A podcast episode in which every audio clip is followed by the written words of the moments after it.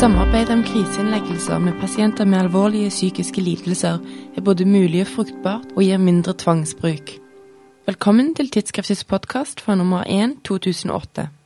Økt tilgjengelighet av sengeplasser gir et lavere sengeforbruk, viser en studie fra Jæren distriktspsykiatriske senter.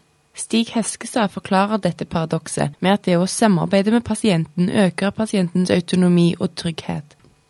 Hva er brukerstyrte kriseplasser? Ja, Brukerstyrte kriseplasser var noe som vi innførte for ca. tre år siden her ved Jæren DPS. Det var fire sengeposter, og én av de fire postene var beregnet beregna for eh, den schizofrene målgruppen.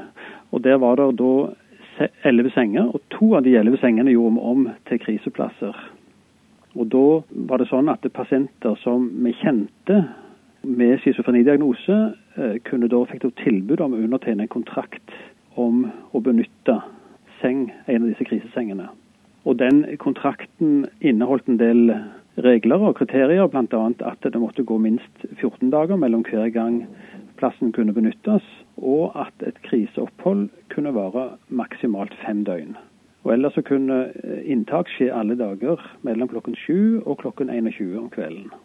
Men det, det nye for pasienten her var først og fremst det at de sjøl kunne ta direkte initiativ, be om innleggelse, og de ble, eh, så sant det var ledig plass, og det var der stort sett, så kunne de komme direkte uten å gå om egen lege.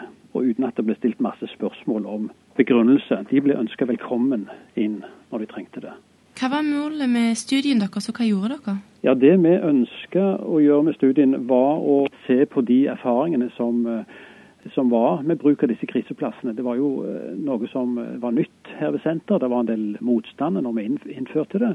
Så vi ville se både hvordan disse pasientene faktisk benytta dette tilbudet, og vi ville se litt på om forbruksmønsteret, innleggelsesmønsteret, endra seg etter at de fikk den kontrakten, sammenlignet med tiden umiddelbart før. Vi så både på innleggelsesmønster og på bruk av tvangsinnleggelser. Hva viser resultatene deres? De var, eh, syns vi var, var, positive. Det var jo 18 pasienter som inngikk i studien. Det var de første 18 som hadde hatt dette tilbudet i minst ett år.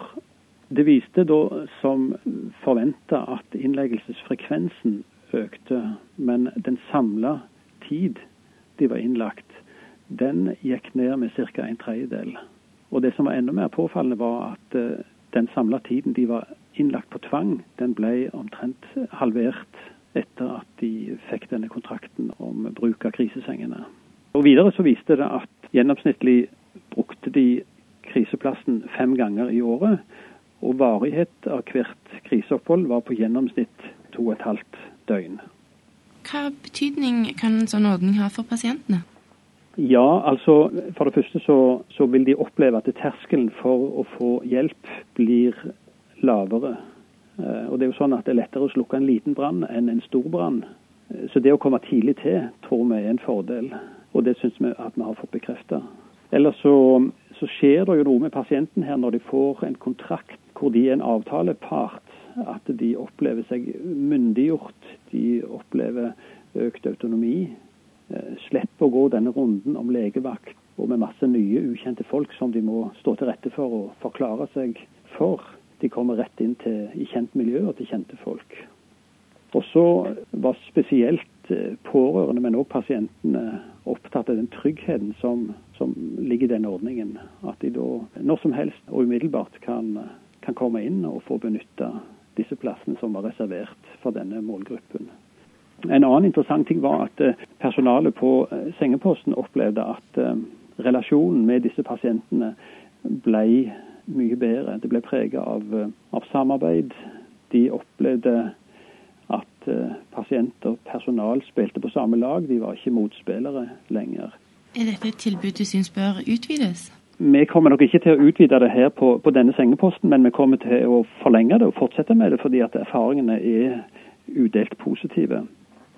Vi håper jo at uh, artikkelen kan inspirere andre til å, til å tenke i nye baner. At uh, kanskje andre sentre rundt om i landet kan, kan, prøve ut denne modellen her, som jeg syns uh, har vært fruktbar.